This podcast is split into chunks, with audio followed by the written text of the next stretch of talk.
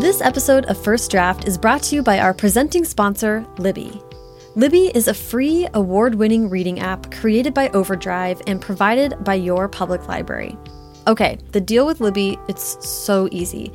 You can download it on any Apple or Android device, and all you have to do is put in your library card number, select your local branch, and boom, you are automatically searching through the unique archives of ebooks and audiobooks for your library.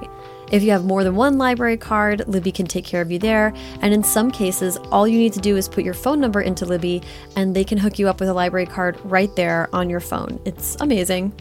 Using this app is what got me into audiobooks. It's been amazing. I just listened to Emily Nussbaum's new book, I Like to Watch, which was an incredible collection of essays. I highly recommend it.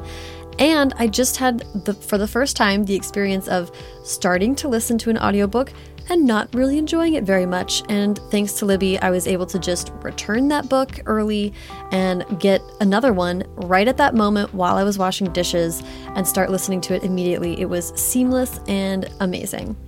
I highly recommend Libby, and I'm so grateful to have them as a sponsor. So, what in the world are you doing? Go ahead and download Libby and put the public library in your back pocket.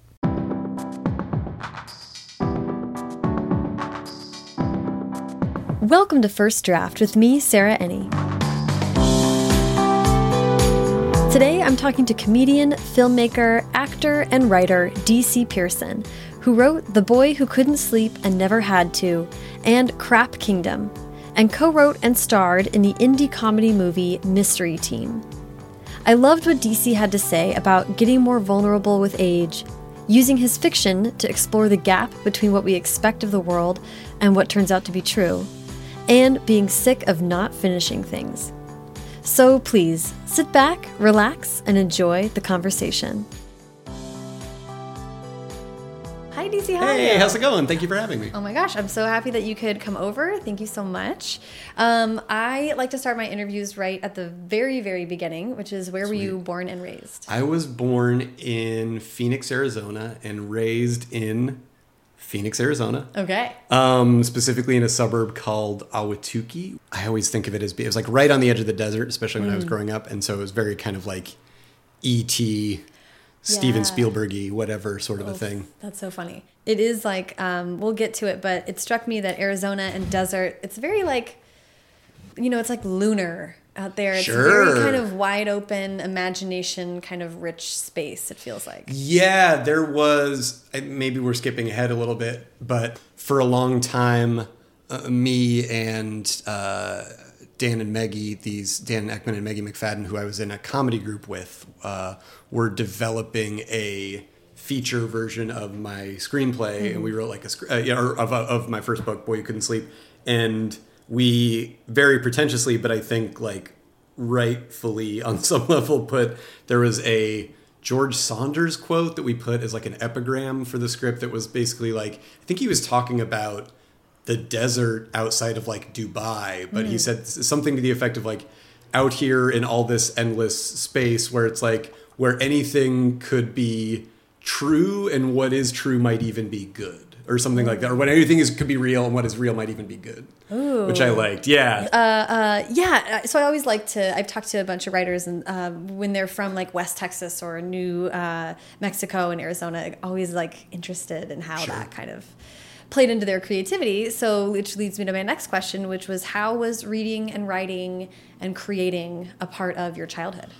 reading i think was like the biggest part of it for sure like that was something where like my mom read to me a ton when i was a kid and that was i, I think you know as i think like a lot of parents do. But i just ended up really taking to it. And i mean i can't imagine there's anybody who's like ever been on or listening to this podcast who didn't have very similar experience in terms of just being like ah yes book. And anything Yeah. that gets in the way of book is Yes. bad. And Yes. i need to get back to book. You don't understand. Yeah, and so i definitely i definitely had that experience for sure and and um having a like advanced reading level you know it's really not to brag or anything like that but then that really sort of like I don't know. It was just a, a really big part of my childhood. Was like growing up and basically like seeing my dad because he would go on a lot of business trips. Like have like airport paperbacks. Like I remember he had like before Jurassic Park was a movie, he had like the paperback of Michael Crichton's Jurassic Park, and just being like, as a kid, also who likes books and dinosaurs, just seeing the cover, which is kind of like the poster Yeah. with like the outline of Yes. the, the, the It's such a good Tyrannosaurus. cover. So good. And just being like, what is that? Whoa, boy. You know what I mean? Just being like, I need, what do you Yeah. got there? Oh my god. But anyway, read it, really loved it, and then was able to a very formative, being a lame, like arrogant hipster experience was being able to be in like second grade and have people like go to see Jurassic Park, and I saw Jurassic Park and obviously love Jurassic Park, and Right. still get to be like, well, you know, the book is the book is better. Yeah, that is a very common. I mean, when you become a, a voracious reader, then you sort of read whatever's in the house, Yeah. and you inevitably sort of like level up faster than you can kind of keep up with. But Yes, but so cool. Yeah, totally. And then as far as like writing and creativity, like I really liked to draw and connecting over with a friend of ultimately like my best friend growing up when I was in fourth grade of like looking over and seeing he was like making a comic book in his spelling book is kind of what a, a foundational element of hmm. boy who couldn't sleep sort of this idea of like bonding over like we should like make a comic together. Mm-hmm. And so that was a big part of it and, and reading comics. And we would get these like my parents would get us these like big like costco just like giant packs of comics where it would just be like a big i remember it was like three comics wide and it was shrink wrapped. And it just had like a ton of random issues of comics and very like indiscriminately like here's just a here's like a Yeah. it was almost like by it was like by the pound almost and just being super into that but also it was a weird thing where you would just like pick up random stories like way in the middle and then maybe never read another issue of that particular Yeah. comic again or having to kind of piece things together so Well, I was gonna say that seems like so for a young creative person, that's kind of great. Like you have to assume what happened before, or try to figure it out, or come up with your own do story. the best. Yeah, totally, for sure. Yeah, That's no, so it, it is like it is a weird like that and other weird experiences. Like I remember my parents, particularly my mom, were really into the Beatles, and Mm-hmm. she had like I think a couple Beatles albums are just like some like best of some of those like Capitol records like best ofs on like cassette. But we never, with the exception of Rubber, Rubber Soul, we never had any Beatles albums like on CD, like Mm. in that house for for whatever reason. I guess they just never like made the switch. And so when the that documentary, the Beatles anthology, came out, we just got the like three like double disc Beatles anthology sets, which I would listen to a ton and really liked and like would read like the liner notes. And if anybody hasn't listened to those those like anthology collections, they're super weird because they're true like odds and ends, Yeah. like them doing multiple takes of the same song, studio banter Yeah. and stuff like that. So it was this weird experience of like, oh, I don't even know. I mean, ultimately then, of course, did, but like how I know these songs is like weird, stuttering, different iterations and versions, and just like really liking that, if Yeah. that makes any sense. And sort of getting, yeah, I guess like you're saying, getting a taste for like filling in the margins of stuff or like what's like the story behind the story or whatever, Yeah. kind of, if that makes any sense. And it's I know that you well jumping around a little bit, but I know that you wrote short stories for a long time, and those seem like such little short story things. totally, like yes, that's exactly. that's what I think of when I think of short stories. A little like it's more like a question than it is a Yes. whole answer, which is so cool, um, and kind of eerie and can be kind of mystical in a funny way. Totally, yeah, absolutely. I love that. Uh, that's I, it's so cool to talk to people about what they remember reading when they're young because it is like uh, some people have very vivid memories like that that are like the random comic books. I think that's so cool. So it sounds like you were always sort of creating at the same time. Yeah, totally. I think like I would a very very very formative experience for me was we were assigned when I was in like 3rd grade, we were assigned to make these hand turkeys in class where you like draw the hand and then you like sketch in a turkey and for international listeners it's because like thanksgiving or whatever and that's just like the teachers are like that'll kill Right. at least two days, especially if we make you do it at, uh, the rest of it at home. So basically, like had that project in class and like made the turkey and whatever. I was like, that's cool. And for whatever reason, my mom was like, well, you know, you should really like, you should always try to like go the extra mile. So I wrote a poem to go along with the turkey that was a like night before Christmas parody, but it was night before Thanksgiving, and like brought it in, and the teacher was like, it was you know a sort of like, oh my god, you know like in Ghostbusters like ring the bell, like Yeah. we got one, but what we got one was like an annoyingly insufferably precocious like kid and so ultimately they were like okay you get to read this poem on the announcements. And then it got written up in the like local like town paper or whatever. And so that was just that set an entirely unrealistic expectation for like how much you will be rewarded just for showing like the slightest amount of extra sort of like you know what i'm gonna do? So that was a very sort of like formative creative experience mm-hmm. was just be like look at look at what he can do. Yeah, being kind of rewarded for that. yeah. And recognized. which is which is interesting too because it's so as i think about it like it's very it was fun doing the poem but it's also very results oriented it's also very like mm-hmm. oh we love this you're so great here we go here we're taking your picture we're doing the thing.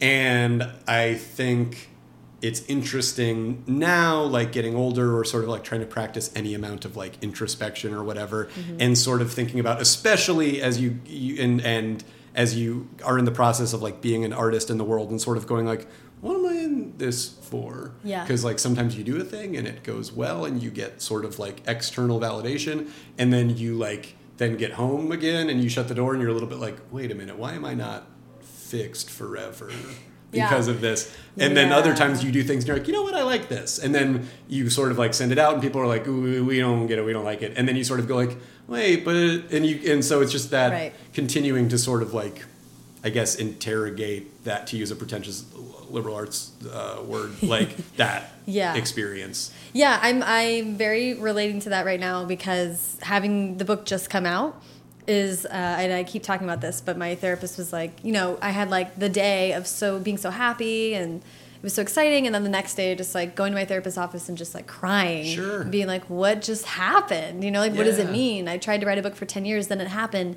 Now what? And it's like that is a really big question. Totally, and and yeah, that makes perf. I com- I completely completely sympathize with that. Yeah. Because especially like, like actually, I was gonna say for writing a book, but I feel like for so many different creative endeavors where it's like you achieve this benchmark of like getting published, or Yeah. like you make a movie, or you do whatever. But I think like, it, I think it's a little bit of like, no matter what experience you have, I think everybody probably has some version of of that. Totally know what you yeah, the di- it's like the difference, and also the like. Oh, now that I cannot just focus on this external thing, it's still like I have to. What was I trying to solve with that? Because that Yeah. is still need needs to be addressed in some way, shape, or form. Totally. It also that story strikes me that I mean I want to talk about you as a creative person are also a performer, and there's some element of like you got to perform your work and get re recognized in that way. Did you always know that you love performing, or was this? For sure. I mean, like, I definitely had a, like, my sort of, like, I feel like origin story in terms of that was, like, getting to do some, I guess there's a couple different ones. Like, I was used to, like, write plays for me and my cousins to do at, like, it's a weird, another sort of, like, holiday centric thing, but uh, at, like, the, like, family Christmas party, you'd sort of mm-hmm. like get together and kind of like, okay, everyone, you go over there and we're doing, you know, whatever. And like, just too intense about it. And everybody just wants to go like play with foam swords or whatever. But then like getting to do like in my like elementary school summer program that i was in with my best friend getting to do a like you know play like a mm-hmm. school play in elementary school. And but because it was the summertime it's just like the the play like that's it and that just being like so great Yeah. and then I remember like doing that play and then getting home and then getting to have like a lime popsicle. And I just remember like sitting under the coffee table eating a lime popsicle and being like, the life of the theater is, is the life truly, truly is the life Oh for God, me. You know what I mean? amazing. um, so I think I just, I, I liked it. And I think it's like, you know, it's attention, it's validation. And then also it's just like playing pretend is fun. Like you can't sort of discount the factor of like at a certain point it's just fun to like do a voice and you're Yeah. pointing and you're saying a thing and then somebody's rea- you know what I mean like Yes. the the the play pretend like pretend world factor of it is is very powerful Yeah, yes. But it's interesting how that, you know, a lot of writers do not want to be on stage or Right. in front of people, which is, so it's always really interesting to me when that sort of is naturally a part of the progress of a creative life, which is cool. And I want to talk about how you decided to uh, you studied at NYU Mm-hmm. and you were studying um, TV writing. Is that right? Yes. Yeah. So I got there and it was a really interesting time because basically like I knew I wanted I basically had decided like I knew I really liked acting and theater and stuff like that. I'd done a ton of high school theater and also knew that I liked writing and it that seemed like once I found out about that, that really seemed like a sort of like good Venn diagram of those two things. Mm-hmm. Basically, it's like, oh, you're writing for performance, mm-hmm. basically. And at the time when I applied, basically the department that I applied to, which is like the department, the Rita and Burton Goldberg Department of Dramatic Writing at NYU Tisch, was focused at the time like primarily on screenwriting and on playwriting. And then when I got there, this professor Charlie Rubin, who was also at the time he was a writer on um, Law and Order: Criminal Intent, but had previously been a writer on Seinfeld, and like he and his writing partner at the time wrote like the marine biologist episode of Seinfeld and whatever, was really basically like establishing this TV writing program. And they made a really cool, good case for it, where they were basically just like, look, there's all these shows now that are on that are like really good and like Mm-hmm. TV's better than it's ever been. And I think it was basically like, you know, like The Sopranos is on and like Yeah, Arrested I- Development was kind of Yeah, you and I were around the same age, Gotcha. and I was 85, um, and I think you're 84, and um, it really was like in high school and college, it picked up so much. Totally, and like TV on DVD was like a new Yes. thing and whatever. So it was just very like it really felt like this actually stuff's really starting to happen in Yeah. TV in a real way. And so that was very enticing because, as he sort of put it, he's like, TV's a writer's medium. He's like, mm-hmm. they don't have time to constantly, you know, and I'm sure anybody who's written on a TV show where they didn't get to do like absolutely everything Right. that they wanted would sort of like, you know, I, but I think largely what he was saying was just like, look, at the end of the day, like you're serving all of these various sort of things that you have to do. Like you want to like serve your star and you're serving like what the network wants and you're serving all these other things. But at the end of the day, the word on the page is like, is still, once you're on set, like that is still king. That is Yeah. what everybody is there to get. Mm-hmm. And so that was very, very enticing as somebody where you're sort of looking at these other mediums and you're a little bit like, this feels like a good combination of the most people seeing it, but then also like you're telling me it's a writer's medium and I'm like a pretentious little quill in my mouth or wherever it is behind Yeah. the ear kid who's like, my words shall not be impugned. Yes. And so that was it was very um, very enticing, and then like it was a really really cool program, and I think one of the things that was the most appealing about it was the focus on story because it would just be like you have to these things are like it's TV it's within a certain you know structure and everything like that. So everything has to be super duper not to say you can't like change or innovate in terms of story but it does have to be about the plot. Mm-hmm. And so that was really really neat. And also like definitely did ultimately kind of inform when I started trying to write longer fiction really informed like how I would approach like outlining and stuff Yes. which is was great for me and I'm not saying this is not to be sort of like prescriptive at all. Different things work for different people and different people have different approaches. But like for me knowing that I was going into some longer project something that's super daunting like a novel and just feels like how could you ever write that? Having a structure was very very helpful. Yes, I think that's. Uh, I started out just pantsing and uh, never again, never, never again. wait Not- what did you what do you mean pantsing? I've So- never heard of that. ooh, oh, like by the seat of the pants? yes, Ah, exactly. I like that. Versus plotter. Those that's right. Kind of oh, the- interesting. yes. Gotcha. Which is cool. Like, and there are people who do that, and Yeah. it's so awesome. And also, like, Yeah. I'm of two minds about it because, but on the one hand, I think like, oh, and you sort of, and I think there's lots of great arguments for it where it's sort of like you write yourself into these corners and you figure things out that you wouldn't have otherwise, and you do, and, and all that stuff is, I, I get that intellectually, but I think for me, and I imagine there are other people out there that would probably feel the same way, like having any amount of plan allows you to kind of allows me, I think, to feel like, oh, I'm still innovating within this or I'm still writing myself into corners or I'm Yeah. still ending up in places that I wouldn't have necessarily thought but having that plan to come back to or to revisit definitely is like Yeah. the staring into space reassuring. moment and being like, oh no, there is something that can help me figure out what comes next. Right. Yes, is exactly. very necessary for me to keep moving, which is useful, Totally. right?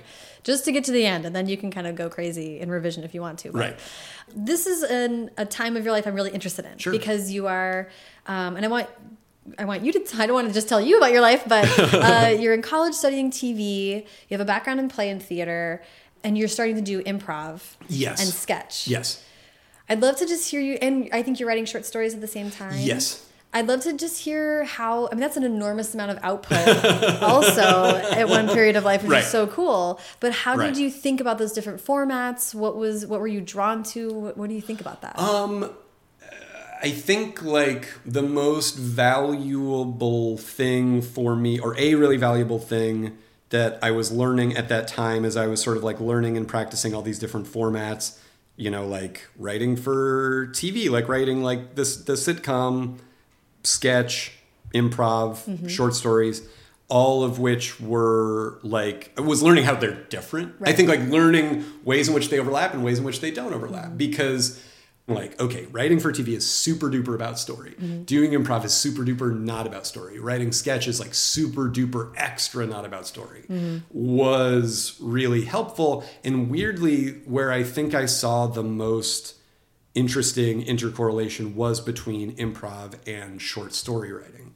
Because in that case with short story like sometimes you would kind of have like a full-fledged idea like come into your head and go mm-hmm. like okay i see exactly where this goes like you were talking about in terms of short fiction oftentimes it's not about sort of going like what's absolutely everything that happened. It's more mm-hmm. about sort of like exploring like a moment or an idea or a feeling or a place in mm-hmm. time or or, or just you know the suggestion of a thing and the tip of the iceberg. And so, what was nice about having that improv background was learning the improv tenet of like, if this is true, then what else is true? And basically going like, okay, so if I have this little like suggestion of a hint of a thing, I can start like fleshing that out and going, okay, if that's true, then what else is true? And then by the time you're pretty much done exploring that, you have a short story. Yeah. You know what I mean? Like, which was cool. And I would do a lot of sort of like improv based stuff where I would sort of like get suggestions from readers, Mm-hmm. you know, to my blog or whatever, and then like get inspiration and like write a thing based on that. And that was really just going like, what does that word make me think of? Okay, I get a little bit of something. I'm sort of exploring that. And then I think like, I don't know, if I were to teach a class on it, I would say like, and you could theoretically then take that like somewhat explored idea and kind of go like, okay, it feels like there's a larger thing here to me. Mm-hmm. I could see expanding this, or how does this plug into like a larger thing? And that could be a novel. And then for me, what I would want to do at that time is go like, okay, cool, that got me enough here. Right. Now I need to start like building some girders of Right. plot and story and structure here for myself, just so I have like a little bit of a, of a guidepost. yeah, But, take a um, time out as opposed to just free writing. Yeah. through and through and through. Yeah, Totally. So that was, I think, like getting to do all those things that were like somewhat interrelated, but also in some ways super not overlapping was yeah. The the strengths and limitations of each form, right? exactly. And again, like I'm not. I I I, I hope. I'm completely like not trying to be pedantic about it or going like if you if improv has ever helped you write a screenplay you're a charlatan like no not not in the slightest like I truly think like whatever works for you that was just something that I sort of discovered I think particularly now and this is maybe a little bit of a bee in my bonnet because I audition for a lot of commercials and they'll often be like particularly now or for the past like 10 years basically been like improv experience a must must be ucb level Right. three whatever. And i think like and i say this is somebody that's like gone through all of ucb and gone through everything is just going like what you do on a commercial is not what you do at ucb what you do on a commercial is like basically they're not supposed to say this but like you're writing jokes on your feet. You're just like helping them punch up their thing in the mm-hmm. moment. You're more doing like live punch up on camera than you are like improvising in a real way because improvising is about like you and another person step out there with truly nothing and you like build something out of your imagination and emotion and acting and, Right. and whatever so i think a little bit basically knowing that like people are like improv helps you do all this stuff and it's like it more a lot of the people that are interested in this one thing are also good at this other Right. thing if that makes any sense Yeah, that's so Um, that's so interesting.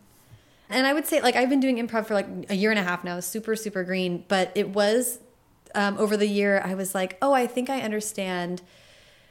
Books was my initial foray into writing at all, and then doing improv, I was like, I think I understand TV now because it isn't like it, TV writing felt so intimidating to me until I was like, oh, you don't. I don't have to solve this character's problems. I have to know their point of view, and I have to give them the opportunity to ex to express that point of view Right. over and over again, and then have some kind of growth. And it's just plot, and then you really have to worry about plot. Yeah, totally. Oh, that's so interesting. Yeah, that's a really good point. I never thought about it that way. Yeah, no, that rules. Like you're basically just going like, well, I would just be repeating what you just said. I think that really mm, that completely makes sense to me though. That's Yeah. aspect of it I never really thought about, especially in something like sitcom where you're sort of or like not super super serialized one hour drama where it's sort of going like I'm not watching this person change a ton. Right. I'm sort of going like, what's fun about them and putting them in different situations. Yeah. That's, uh, I love that. That's yeah, great. the I'm gonna- emphasis on point of view was really, it was, I think, really helpful to me. Oh, cool. Because when characters are like little, kind of very vague um, things that you can't figure out, I'm like, well, okay, I haven't figured out their point of view yet. It's the same thing in a skit. You feel, or uh, when you're on stage, you feel Right. like, I don't know what my point of view is yet. Yeah, totally. And that is one of the most like pleasurable things about watching a TV series for a long time. Or that's what you want as an audience member is like, I want that person, whether it's, and again, whether it's like reality shows or, or anything Right. else, you're continuing to watch it. You're like, oh, I know this person. When they hear about this, they're going to say something that's so them. Yep. Or, you And know what it's I mean? It's just that it's like Kramer walks in and everybody claps and they're like, "Oh, fine! I'm so glad he's here to go off the Right. rails." Yes. You know, and then once he does it, you're just happy. You're just satisfied Totally. to see a similar thing happen over and over again. It's a very human thing to be like so comforted by some kind of consistency. oh, definitely. Yeah. Absolutely. Um, so I love how that plays into like a narrative. Like you can do anything you want as long as there are some core things that your audience will keep track of. right.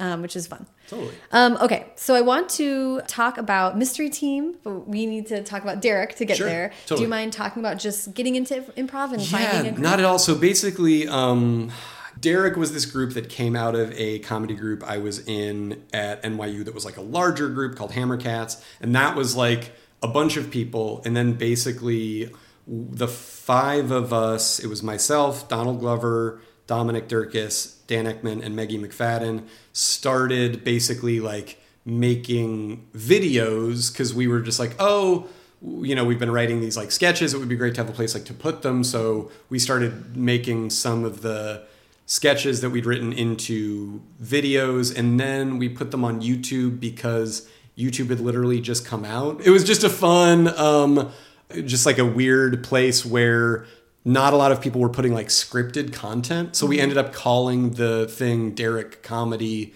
The name of the group became Derek Comedy because when I was signing us up for YouTube, I was like, how will people know that this is Yeah.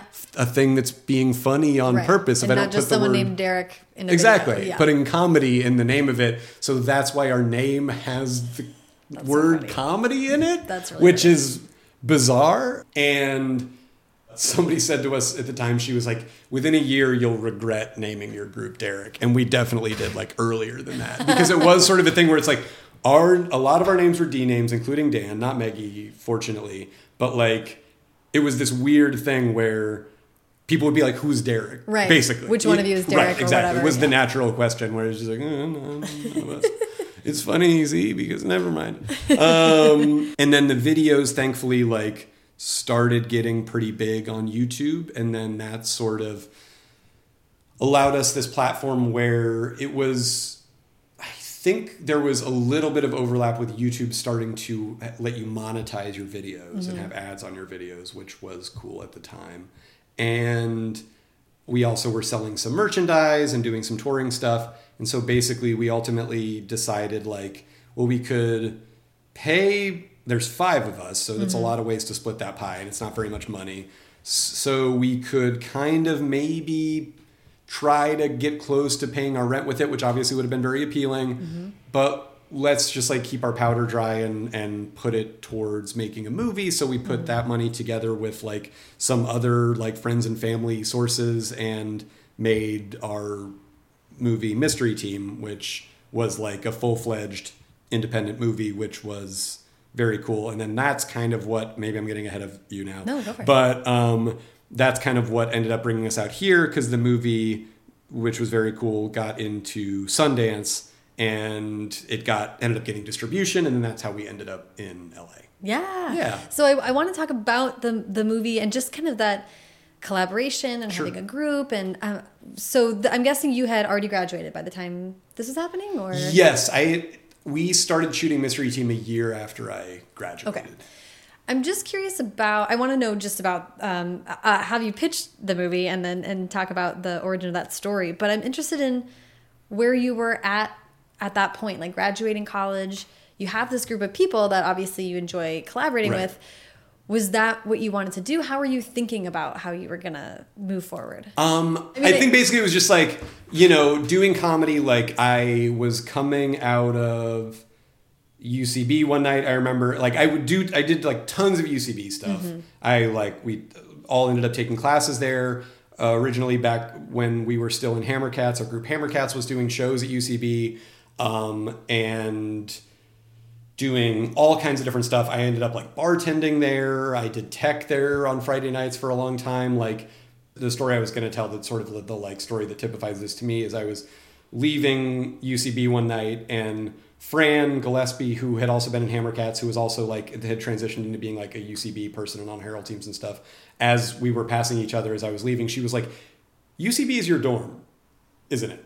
UCB is your dorm, and I was like, Funny. "Yeah, I guess it is." And thinking back on it now, it is sort of like that sort of like social aspect of college mm. that you have like that for me was just like UCB was like grafted Yeah. onto that which was neat and it was a really neat time to to be there but so I think like once we were doing stuff together as Derrick and it was starting to get popular it was just knowing like okay I really love comedy this is something that I really want to do and so basically just that was just a really big part of how I saw the rest of my life going, just in terms of like doing comedy, Yeah. basically. Okay, I Um, love that. Yeah.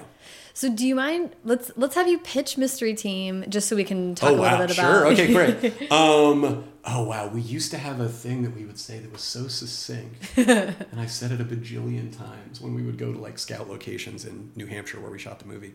Um, Mystery Team is about a group of like 18 year old kids who when they were like kid kids oh god i'm already not anywhere near as good as it i used to be um, were these like encyclopedia brown style kid detectives. And the movie opens up and now they're 18 and they're still doing it in the exact same way with the exact same haircuts.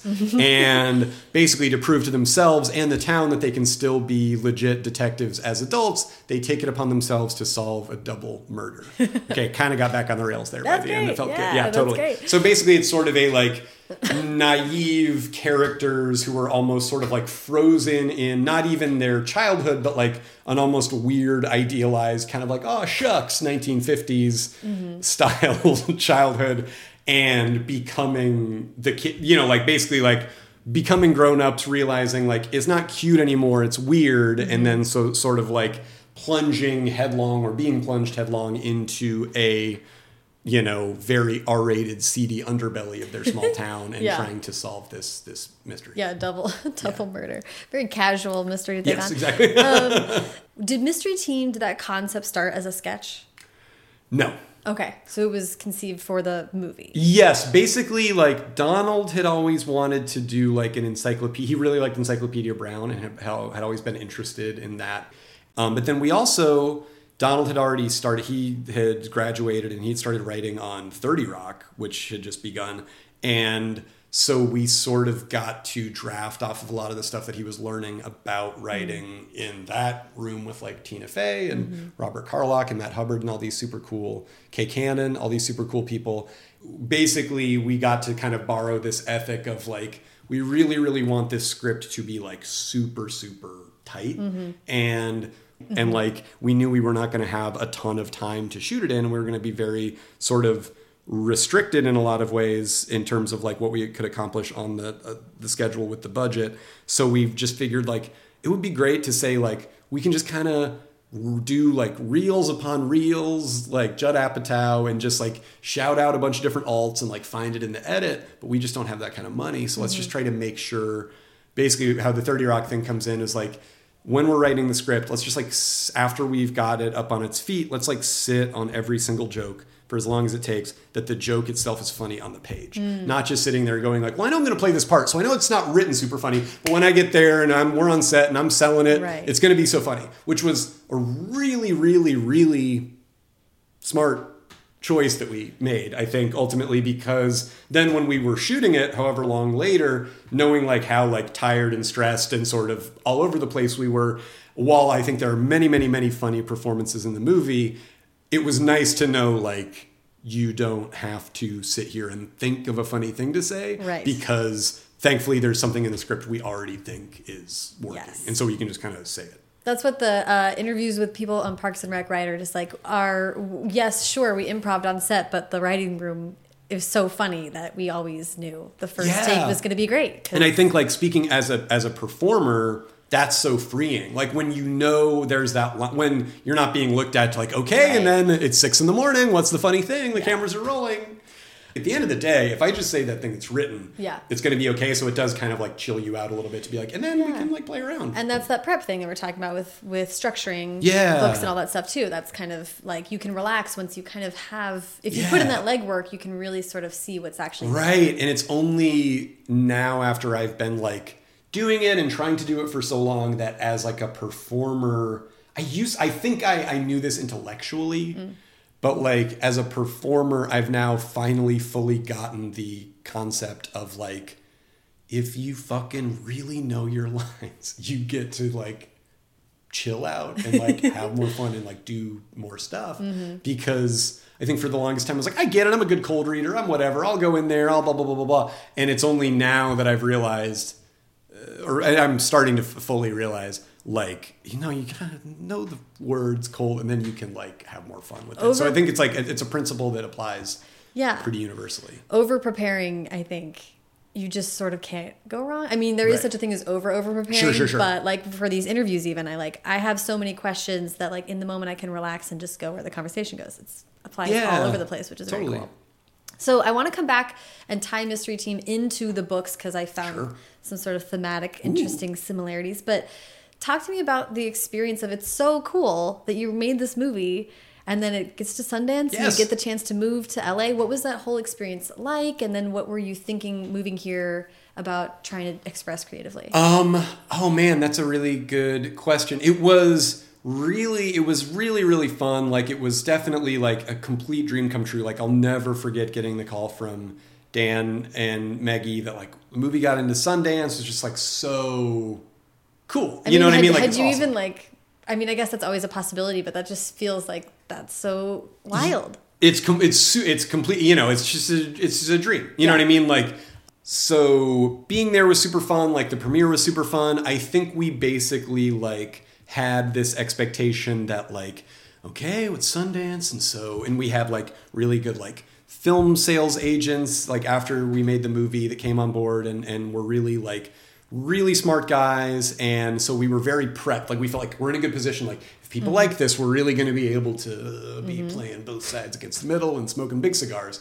And our experience was more like uh, at sundance itself was basically like it did not catch fire in terms of people going like we got to buy this movie it's a bidding war. Because like i think people were like sort of going like okay these are these sketch people but this is a narrative movie and what and the, they're grown-ups but they're playing ki- what's you know And it was a little bit like YouTube like, confusing? what it, Yeah. yes exactly and also like i do think genuinely basically like what to us made the movie artistic or among other things made the movie artistically successful and was what we set out to do which is sort of like it's these g-rated characters in an r-rated world it was almost like how i would how i put it after the fact was like people were sort of like, but wait, why are these G-rated characters going to an R-rated world? If it's G-rated, then just make it G-rated, and if it's Right. R-rated, just make it R-rated.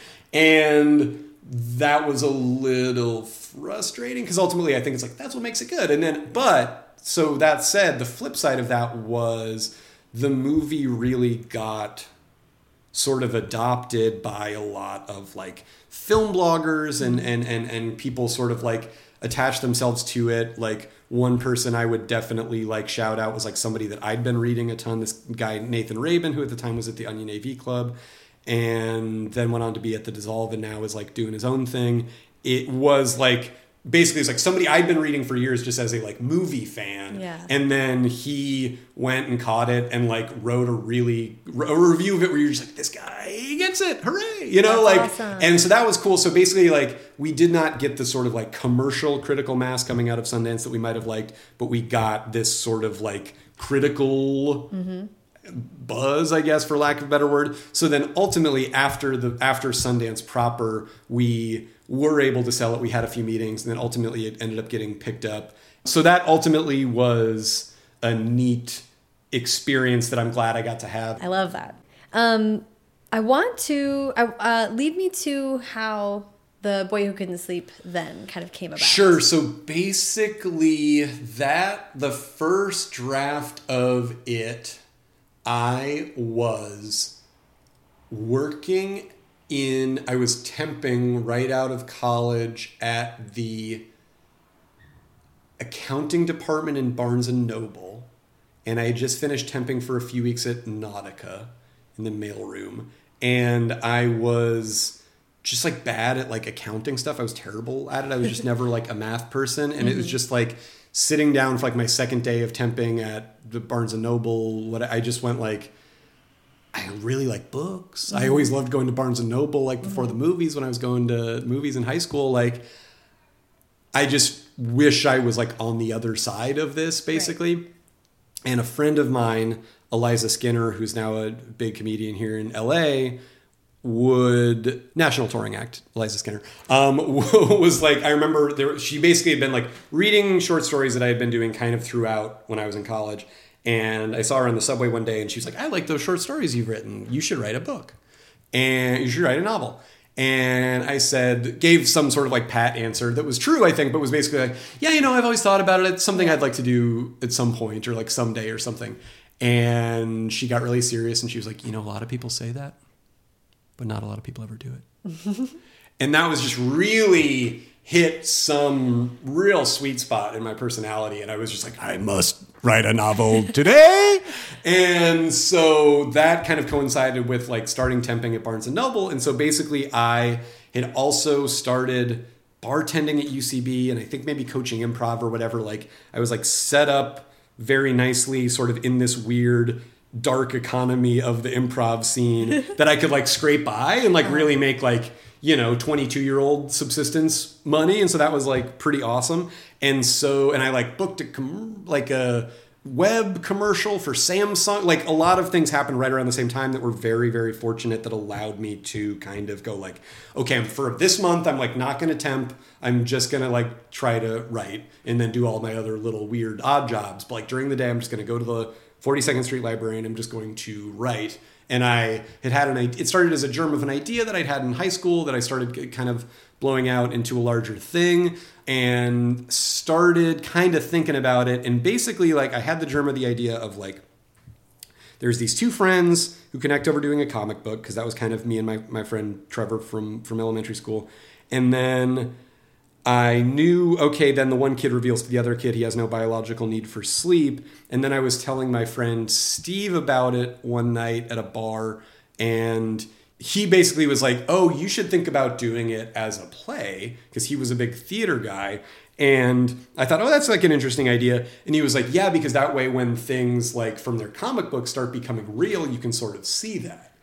And I don't know how much he like meant like just sort of like you could see the stuff from their comic book on stage or you Right. could sort of act that out or how much he was sort of literally being like the things from his head or become whatever it was like that was this weird sort of like missing piece that slid into place where it's like mm-hmm. oh the shit from the comic book should become real. That's really mm-hmm. cool. And so that was when i was sort of like okay great. Third act mm-hmm. stuff's becoming real whatever. So like outlined it wrote a draft they didn't have Wi-Fi at the library at the time, and I didn't. That was I think before like mobile hotspot, so I had no like internet on my computer. I just had like I can go and like write on this thing, and not a lot to distract me because I also didn't have a smartphone.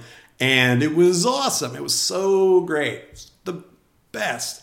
And finished it and there's a lot of things in this story that were basically like set up for me by the fact that I was like in New York, had gotten an agent because our videos were popular on YouTube, because I had like an agent already, which just makes it like like so many stories I feel like I would hear when I was in like college where I, it would be like, how did you get your start? And you just hear this thing where you're like, that's an unbelievable pinball sequences of like privilege and like right place, right time and all these other things.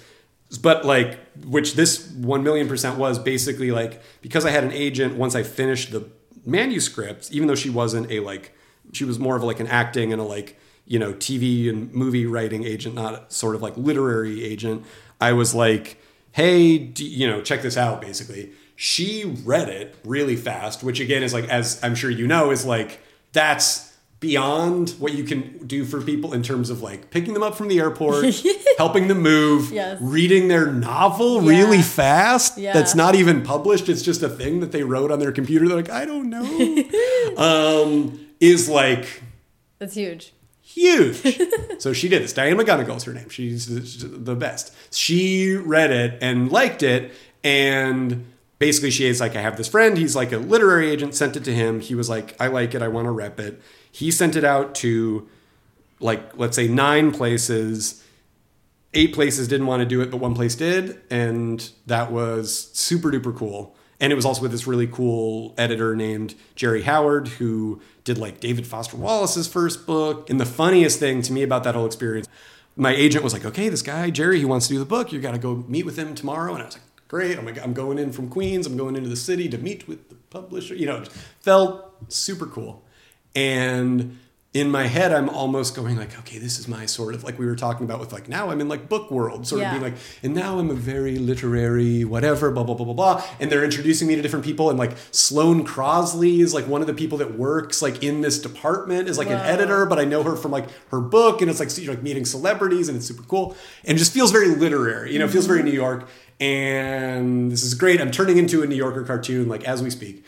And I get into Jerry's office, and he was just like, "I just got done watching these Derrick comedy videos. I love this stuff." Like he was just like he like all he wanted to talk about was like our dick and fart videos from YouTube. Oh my god, that's so funny. Yeah, which was hilarious because I sort of thought like, and now I'm free of Right. all this sort of, and now I'm Oscar Wilde, and it was just like, no, I'm, I'm, and it's definitely something that like doing a lot of different stuff. Sometimes you just want to be like, I wish I was just the blank, fill in the blank here guy. You know what I mm-hmm. mean? And by the same token, I've been like incredibly fortunate in different spaces and that's super cool. Like the and the fact that I get to like coexist in different worlds is like something that it's easy for me to sometimes take for granted if things are going not going my way to be like I wish I was just the fill in the blank here guy.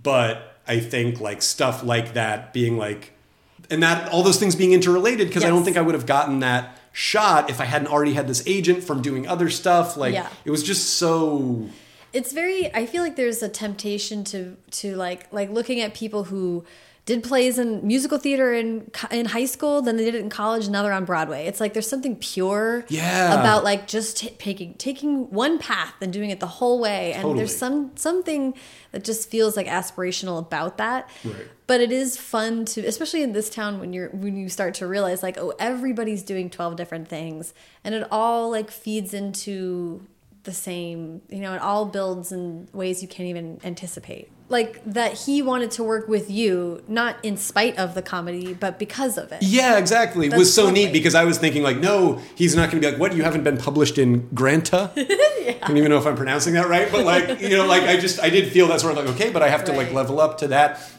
and I still do feel like as somebody that like reads a lot, I still don't feel like I'm like in that world exactly, like in the publishing world really, Mm-hmm. um, and part of me still like covets that because it does seem so cool, but. i know and then people in publishing are like what That's what exactly. Well, that's the thing is like all musicians want to be comedians. All Yes. comedians want to be musicians. All everybody when you go and you talk to people like who are in the literary world, they're just like, oh, movies, TV, whatever. Yeah. And you like from being trying to make it work in that world, you sort of end up feeling like, no, but you've got the. Co-. It's all very like Yeah. it's very very bizarre. Yeah.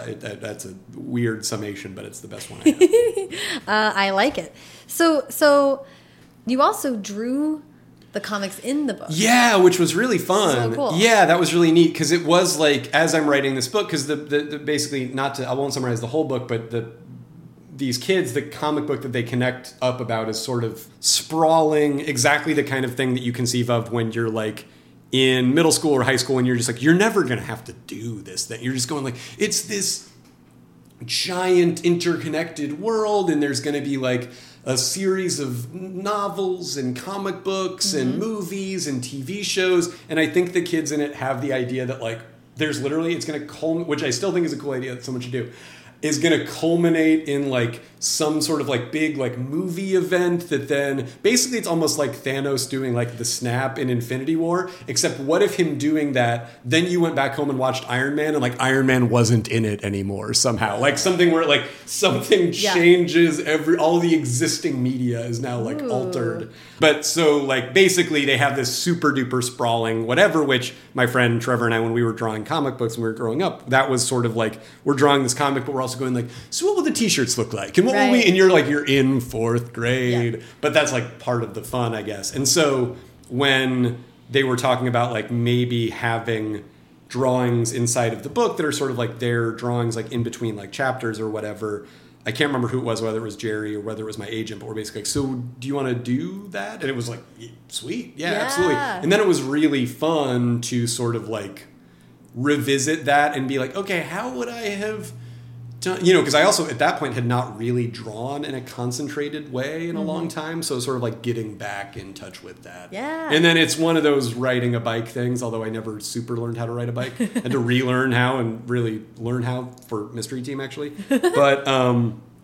but yeah, that was that was that's so cool. Yeah. Uh, not everybody gets to do that. No, so it's really fun. Yeah, it was neat. It was super neat. Throw in that. I want to lead to Crap Kingdom, but by way of saying like what was the experience like of not only like like having this moment not only writing a book and sort of achieving like a life goal but also having that opportunity to just really i mean it's only dc pierson. It's not right. derrick. It's not of anything else. Um it was cool. It was cool. I think it was an interesting time because it was the book was sort of coming out around the same or like it was going to come out basically right after we sort of ultimately completed our tour for mm-hmm. the movie because the book came out in like it doesn't really matter, but like it was gonna they were happening at the same time to a degree that I, or like to me, I sort of go like, okay, or at the time, especially like the book is out, let's start hustling. You know, I was like doing right. things and doing other stuff leading up to it coming out, but like, I don't think I appreciated it until after the fact. Like, no, for them, 95% of it happens before it comes out. Right. You know what I mean? Like, may, that might even be low and that was something that I took for granted at the time. And I was also just so in the mystery team world that I mm-hmm. didn't, I sort of like wasn't super aware of that. And mm-hmm. I think from the publisher's standpoint, they were looking at it going, understandably, you're about to go on tour with a movie. There's nothing we would love to hitch the wagon of our book to than a movie, right? Those right. two things feed right into each other. Again, we come back to sort of like how things overlap or don't. And in our head, I think it was, or in my head in particular, it was just sort of going like, well, we're doing this movie right now. So for me to also be like, as I'm on my way out of the right. interview for your alt weekly, being like, okay, come see our movie. No, it really is at the AMC in Tallahassee. Like, you got to come see it. I we'll be there. I don't know. We'll be there. Like, just yeah. come. Like, if you like us.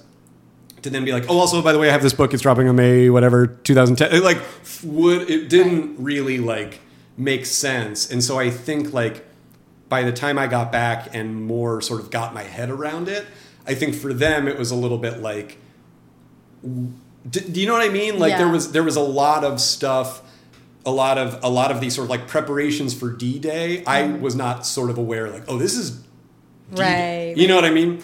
Um, yeah. So that was something where I do think like with sort of segues into Crap Kingdom, and it's more about the marketing than about the the book itself. But basically, like I tried to not take that for granted as much. It was a super good mm-hmm. lesson, but cool shit happened for the boy who couldn't sleep that allowed it to I think reach a wider audience where it like got a really good LA Times review where it was like the like it was like a Barnes and Noble like pick or something where it was on like a cool table at your Barnes and Noble. So there were definitely like lucky things still happened with it that I think allowed it to have like a nice footprint when it came out. Yeah. And then I don't know if I did any sort of real like pre-order like premium thing for Boy Who Couldn't Sleep. I don't think I did. I really jumped in with both feet on that with with Crap Kingdom. Yeah. Well, well, let's lead into just how obviously you enjoyed the book writing experience and kind of, I mean, did you know you wanted to do it again? Did, were you Um, yes, I did, and this is I don't think I've ever talked. I I don't know if I've ever talked about this before in a podcast, but like I did have an interesting experience where basically like I and this is something that I've I, like worked on a lot and, and I think about it a lot in like therapy and stuff. Basically, like so I was like, okay, cool, first book, cool, great, awesome. What are we doing next? What's going on? And I had like a thing that I was working on. And basically, I sent like, because at one point somebody had been like, no, in your second book, first 50 pages, send it to your whatever it should be, mm-hmm. you'll be golden. So I sent the first 50 pages to my agent and my literary agent, and he read them and he was like, okay, cool. He's like, I like it. I think it's a good start. He's like, so I think basically, first of all, I think you probably will want to do a full manuscript. I think that's like the best thing to sell it. And then also, and he had a couple of just sort of like logic things. Mm-hmm. And because I had, when I was a kid, I had received a lot of like early praise and come mm-hmm. on down to the principal's office and so whatever. And so this just slight like, hey, you might want to think about X, Y, and Z things. I was just like, nope, never mind. Like not to him, but like I was like, okay, cool. And then just sort of like I went into a little bit of a tailspin Interesting. because I was fragile and spoiled. Yep, that's about it. But basically, like there was an amount of sort of like. Okay, I'm gonna. Sh- I was already nervous. I think about showing you just a little bit of this thing, not the whole thing. I show it to you, and you kind of go like, "Okay, cool. I like some things about it. I don't like some things other about it." So as you move forward, keep this in mind. Great perfect feedback. Like mm-hmm. perfectly you know whatever. Yeah. everything you would want in genuinely helpful feedback. And i was just like shut the case and like never mind. It's Yeah. stupid any who cares anyway you know? And somewhere in, in this period is where dan and meggie and i started developing boy who couldn't sleep as a feature but it wasn't until a couple of years later i think that i started work or a year or so later that i started working in earnest on what became crap kingdom which was just like a different idea and i was just like i want to do like this more mm-hmm. because boy You couldn't sleep was like more sort of like i guess like literary not that there's a real distinction but like more or was least shelved as like literary fiction and then i was like i want to do something that's like young adult and had this idea for crap kingdom so that's sort of when i did that but to go back to the weird second novel that wasn't experience that definitely for me it was a kind of formative experience looking back on it where I will not get into the whole thing, but basically something that I really worked on in therapy was like there's this book called Mindset by Carol Dweck mm-hmm. that talks about how people mostly fall into one of two different mindsets, one of which is she, what she calls the fixed mindset and one of which she calls the growth mindset. Do you know have you I've heard of the growth mindset. yeah, totally. So basically, fixed fixed mindset says I have like inherent traits. I was born with them. Everything in my life is about getting people to recognize my inherent traits. And growth mindset says, well, maybe I might have had certain advantages or certain things that I am uh, at the starting line better at than others. But if I want to, I can actively improve or I can get better or I can work and I can sort of develop resiliency and sort of just like be in it. It's sort of also like goes into like, you know, basically like being process focused rather than results focused or Right. whatever. And that, which I read a couple years ago when I started going to therapy, was just such a revelation. And sort of going like oh i was a f- very fixed mindset from a very mm-hmm. young age and basically going like you are a special little boy. You do not have to wait in line with everyone else. Mm-hmm. And your genius will always immediately be recognized and you'll be taken to the office to read your turkey poem. And i don't know it's weird to talk about because it feels like vulnerable or i'm still like a little bit mad at myself about it but i do think it's helpful Well, I think there that sounds like a formative experience, right? For sure. Like I, often, I think when you have, especially like a really emotional like reaction to something like that, in the moment it can be really hard to diagnose. Like where is that coming from? But it's always something you learn from. Yeah. Kind of unpack later and figure it out. And to me, I mean, that's sort of like I'm the person who's like, well, you weren't meant to write that book at that time, Right. right. Like it's sort of like the universe works and however it works. And then obviously you that opened the door for you to be like, what was that all about? Like I don't want to be that person. I don't want to quit anymore. So I feel like that's it's always worth it to get to that. And also I can totally see, I mean, it does strike me that most so much of your career is collaborative with other people and then you it's so vulnerable to be like this is just me and books are so uniquely like this is my brain like it is just like blah 300 Right. words of my brain like judge it Yes. you know it's really hard to to, to do that uh, and then to not take it personally when Right. when anybody has anything else to say it's kind of like okay don't you know am i still lovable if you Yeah. don't agree with the inside of my brain like that's a difficult thing Totally. so that makes sense Yeah, no, for sure. No, I, you're 100% right. It is so it's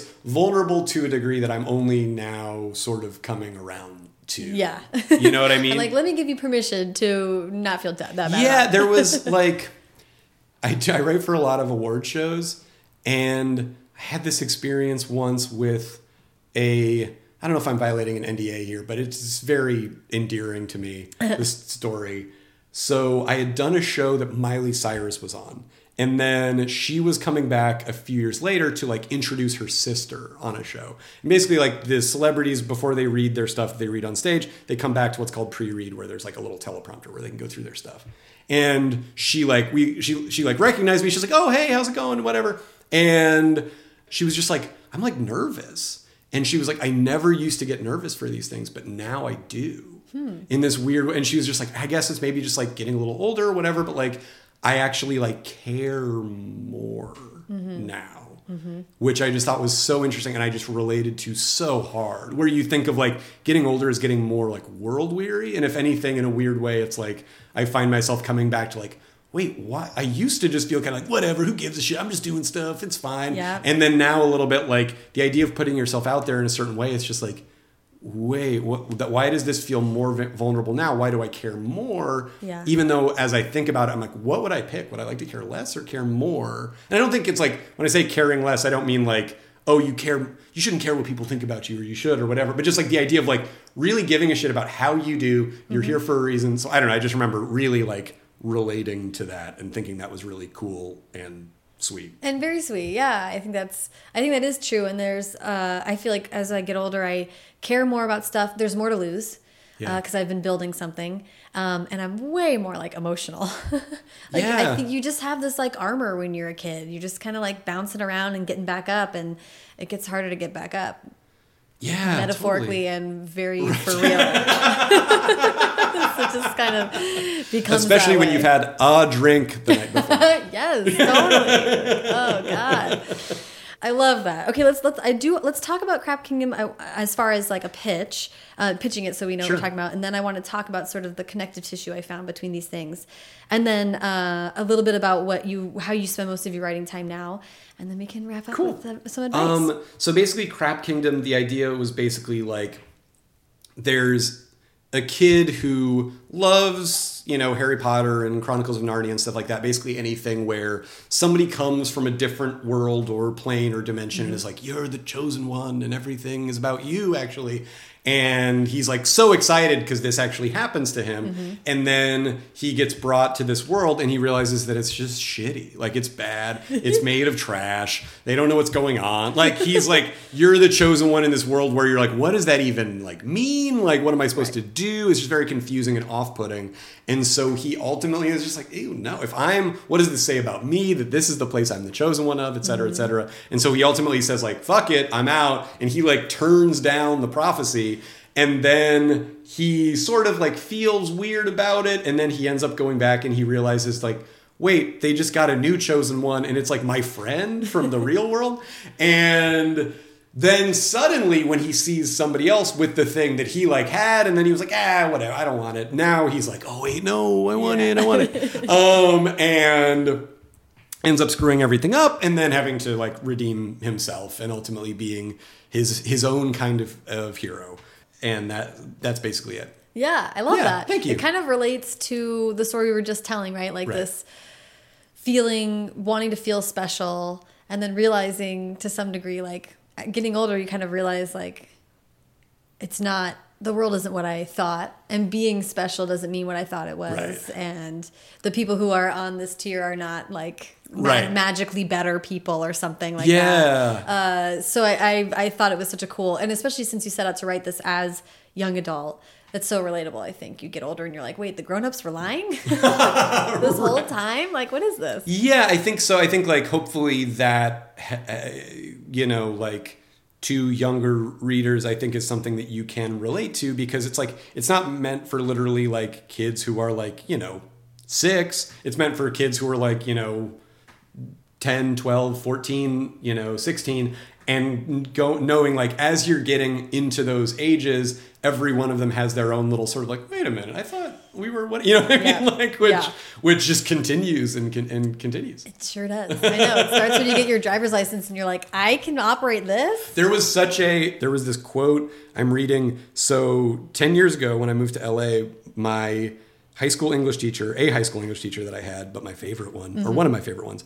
mrs cadavy sent me i had like written a thing online about like oh i had to like give all my books away before i moved to la and she sent me she was like this is one of my favorite books because i know you gave all your books away and it was of human bondage by w somerset maugham mm. Maugham- Maugham.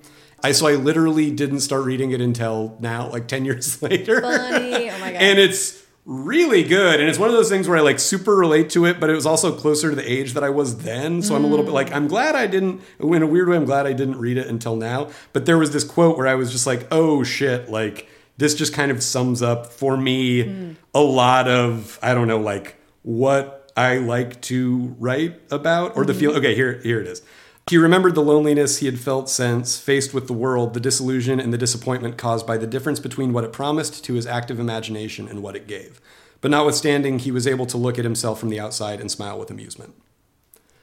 yeah. Where I was just like, oh, yeah, I was like, oh, I love that theme. I love the theme of sort of like, wait a minute, I thought this was going to be whatever. But what I also like, more importantly, I think, especially as you get older, is going like, okay, true. True, the world is not exactly as it was laid out in like a fucking fake movie that was fiction the entire time. Right. But that doesn't mean that you get to be a brat. Mm-hmm. Like you have to kind of like find your place in that and go like, no, there's still wonder and adventure. It just might not be exactly what you thought or what you felt like you were promised initially. Yes. And I think that's super cool. And I think I, I, I I think it is more and more relevant both to myself and to the world. So it is definitely something where I'm like, I like that. I think that's a cool theme. I don't Yeah. I like I like whenever you kind of come across something and you're like, yeah, that is sort of what I'm diving into. I feel like I, I this might not be true for everybody, but I think a lot of creative people are circling some similar ideas in their work, kind of throughout their life. And there's just certain things that are interesting to you uh, that you'll revisit. And I like when you kind of can tap on that and realize, like, oh yeah, that is what I'm kind of trying to get at. It's very cool. The thing that I was kind of that tapped on my head with Crap Kingdom and The Boy Who Couldn't Sleep and Mystery Team was that they're all a little bit kind of sending up these like genre archetypes. Oh, sure. Or these sort of like like The Boy Who Couldn't Sleep, I was thinking about like sort of superhero type of stuff as well as some sci-fi stuff. Like there's elements of both, I think. Um, and then Crap Kingdom is all fantastical fantasy world that just Right. gets sort of spun on its head. Like what if Lord of the Rings was deeply uncool? Like that, which is so funny.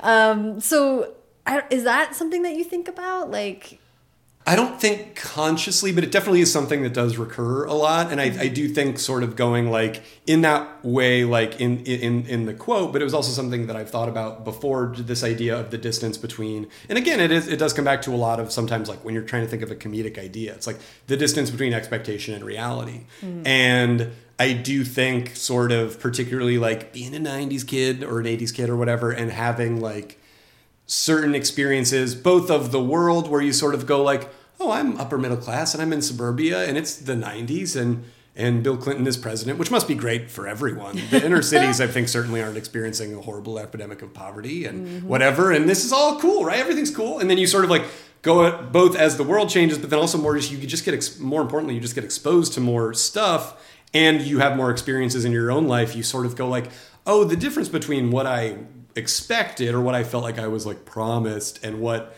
is reality are so far apart and going like how do you bridge that gap with like imagination? How do you sort of deprogram or again to use the word interrogate because i think it's appropriate like interrogate your sort of received idea of what mm-hmm. you were gonna get? Mm-hmm. And like how do you not just go like Yeah. "Mm, I wanted that. You know what I mean? Like, how Right. do you not? Because like we all know or have Right. been, uh, and probably both people like that at certain times, and I think it's like it to me is really cool to think about. Okay, that's cool, and like yes, absolutely right. It's different, but like, what do you take from that? How can you project that onto your world in a productive, helpful way, or the ideals from that? And also, how do you just go like, yeah, it was bullshit. It's fine. Right. Um, right. If that makes any sense, or how do you take sort of like, you know, just sort of going like, you aren't gonna be Luke Skywalker. You're gonna be doing this other thing, and it's gonna be some blend of shit you want to do and shit you have to do, and like, how do you get stoked about that? Yeah. It's sort of like the disillusionment kicks off the stages of grief, right?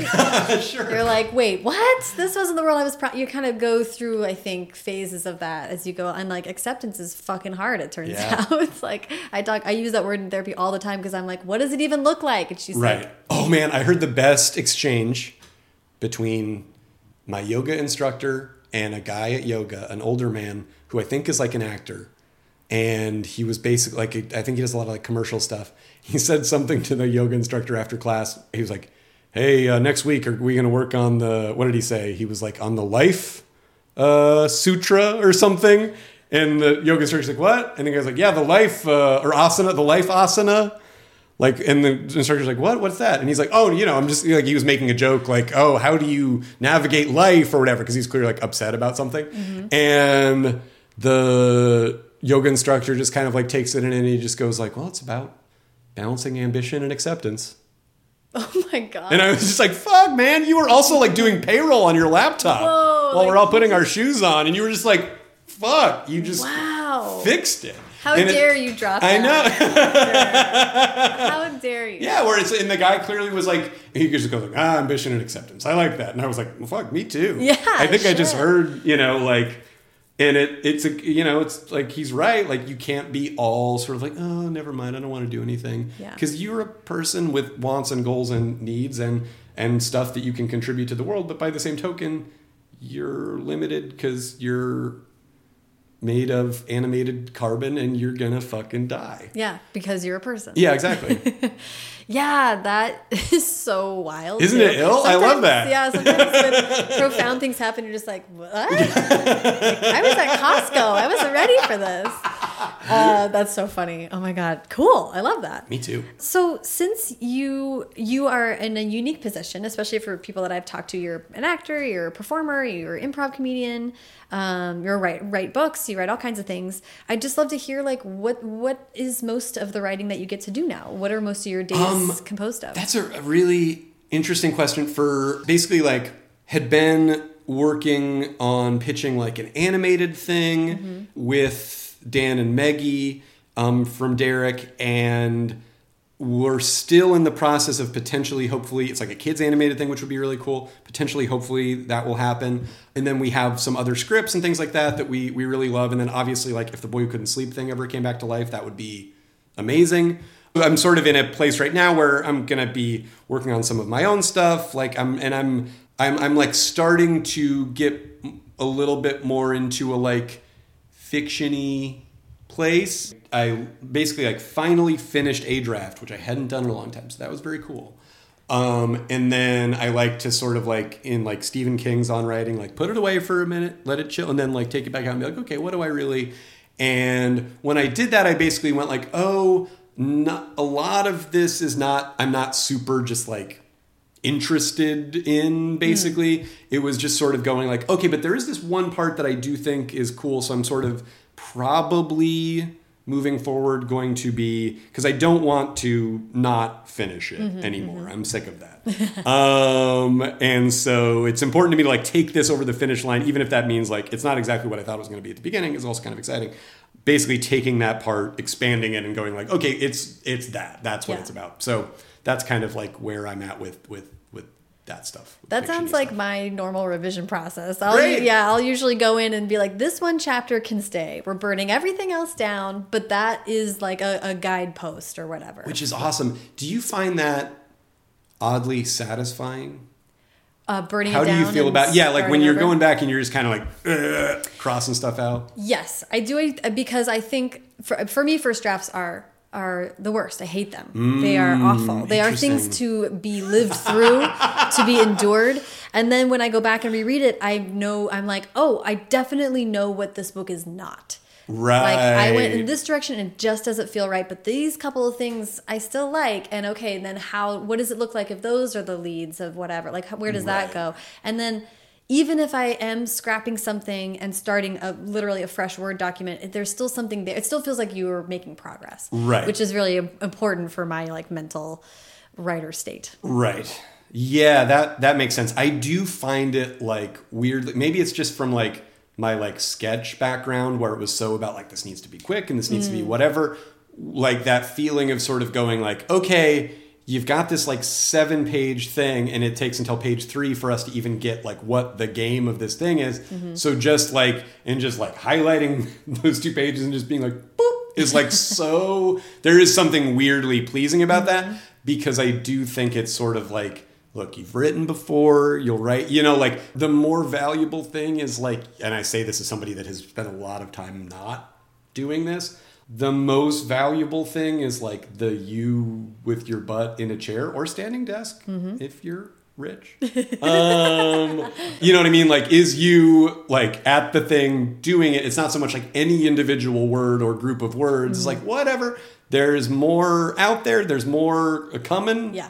it's all good I think you know? that's that's over time too when you prove to yourself like Right. I know now I've seen myself do it. I'll show up again. Like there's not a limited amount of this in my brain actually. uh, my first day of level one improv, which, which was with Owen Burke.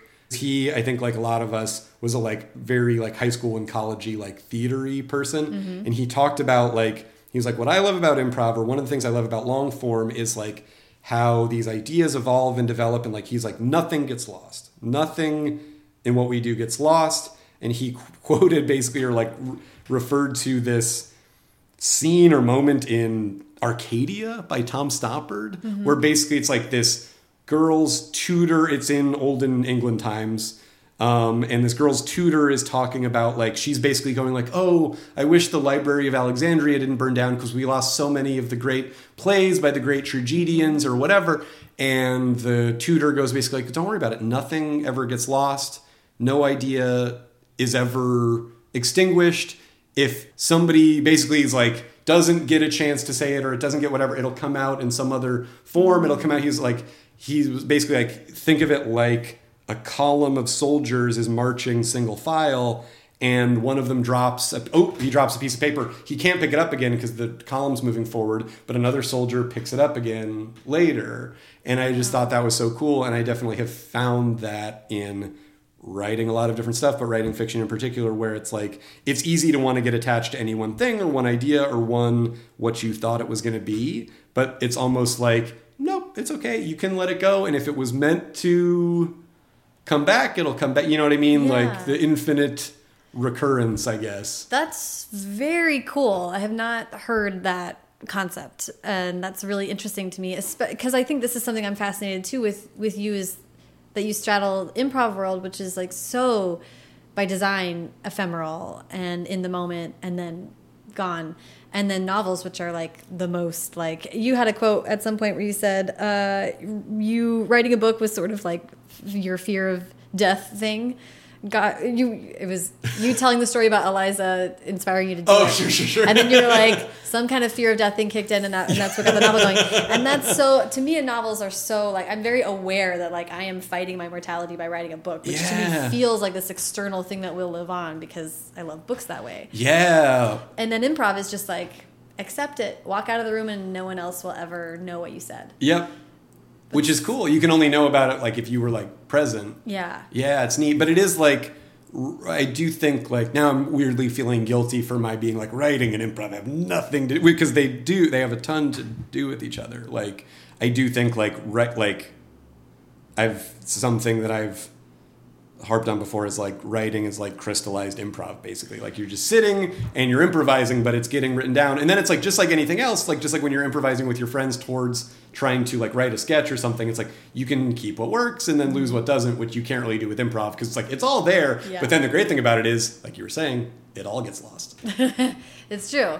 It's it's it's kind of existential though. I when I started improv, it was a lot. I think to like get at that for myself. I was like, can I get into something that won't last, and can I just find the inherent value in the process? Right. And I've been pleased to find that I am happy with that. But it is like, it still feels. I still am so aware of it all the time.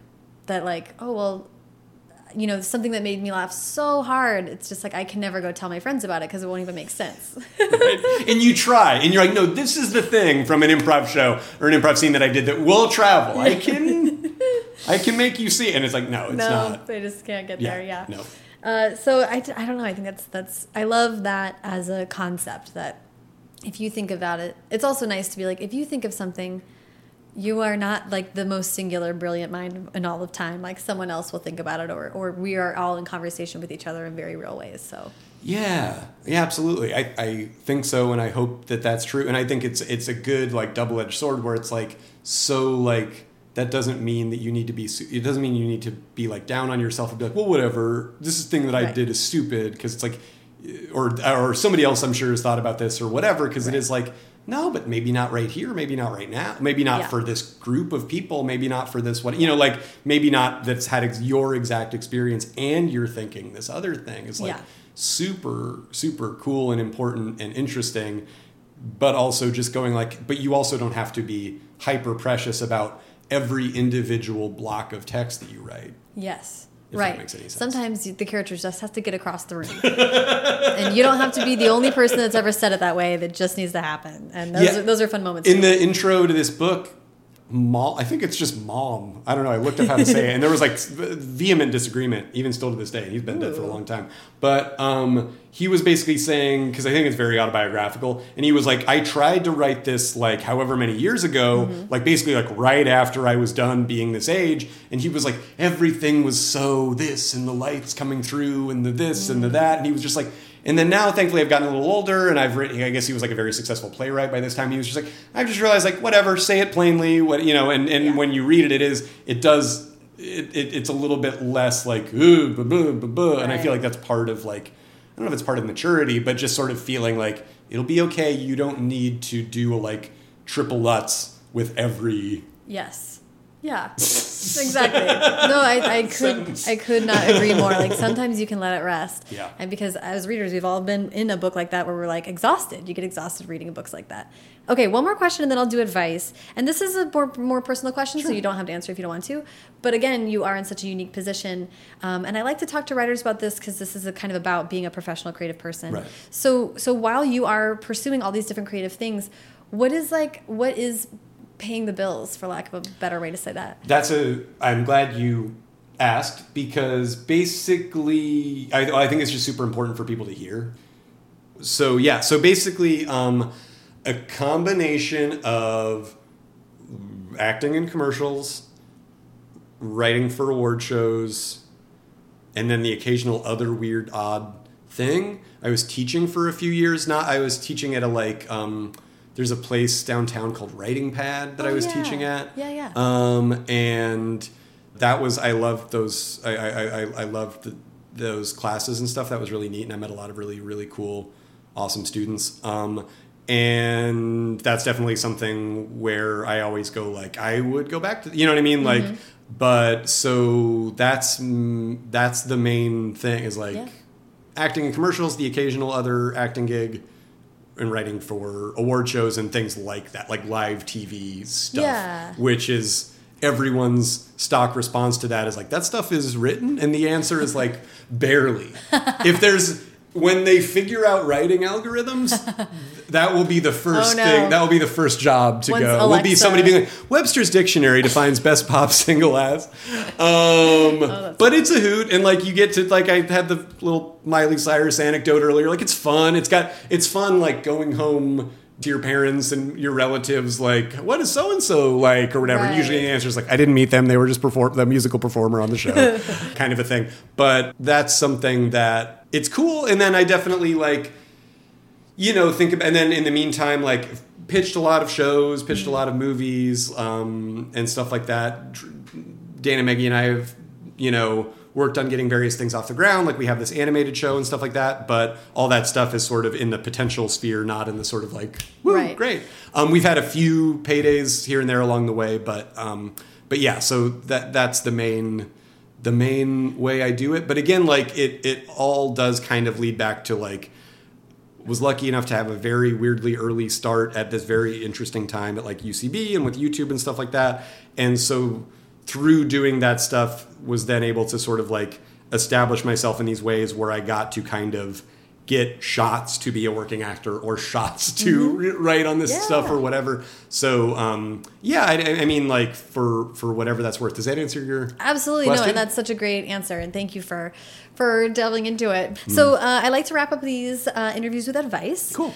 So I don't know. I guess I would love um, to hear about advice for people who want to kind of straddle the worlds that that you do. If someone, like you said, you kind of were in a certain type of moment when you got started, Right. but for someone kind of getting into this world now, what would you recommend? one thing that is true because like technology can change and what we do can change and the structure of like how we get paid can change and mm-hmm. like how we make a living versus how we sort of like do our art and the relationship to that is always going to change both individually and in general. Like all of these things have always been changing. Like if you mm-hmm. look at the transition from like silent film to talkies and if you look at like so many other different like technological points in history it's always freaky and scary and makes people who are in these things nervous. But I think one thing that will serve everybody well is if you kind of like put in the time on like developing your voice for lack of a better word or just kind of being like who am i? What do i have to bring to the table? And just kind of like that can adapt to a lot of different stuff. A lot of stuff you're not in control of. Like you can't choose what the next sort of like rising Right. technology is. But i think like i don't know. I don't even love that advice because it feels so pat. But um but i think like whether you want to be in any one of these worlds i think a lot of people now probably want to be in some combination of them because you like grew up reading stuff but also like you know like streaming shows are really cool and there's all, all these different things that appeal to you. Writing will serve you well in any of them. And when you if you ever work professionally as a writer in a context where you are writing as a part of some sort of like production or some sort of larger thing other people who do not view themselves as writers look at writing as magic. Even if they shit on what you do or they go like no this is bad rewrite this whatever at the end of the day they will hand it back to you because there's some part of them that will go like i'm not a writer. You you think of it. You figure it out. Or they'll go like oh can you figure this out? Is it okay to say um, we welcome you back to this commercial break uh, thanks to taco bell I don't know. I'm not a writer. Is that okay to say, or something like? And they'll, you'll go like, "Yeah, it sounds fine to me." But they're going like, "I don't know. I'm not a writer." Right. So cultivating your like skill as a writer and just your identity and your self identity as a writer and knowing that at the end of the day you you are that person that can sit down in that laptop and like loves to put words together will always no matter where any of this goes stand you in good stead cuz for at least the next the foreseeable future any part of it anything in it is going to contain words. Mm-hmm. So anything that you do to develop your craft as a writer even though weird things don't apply to other weird disciplines or whatever whatever you'll figure it out. But like you will never be sorry that you just focused on your process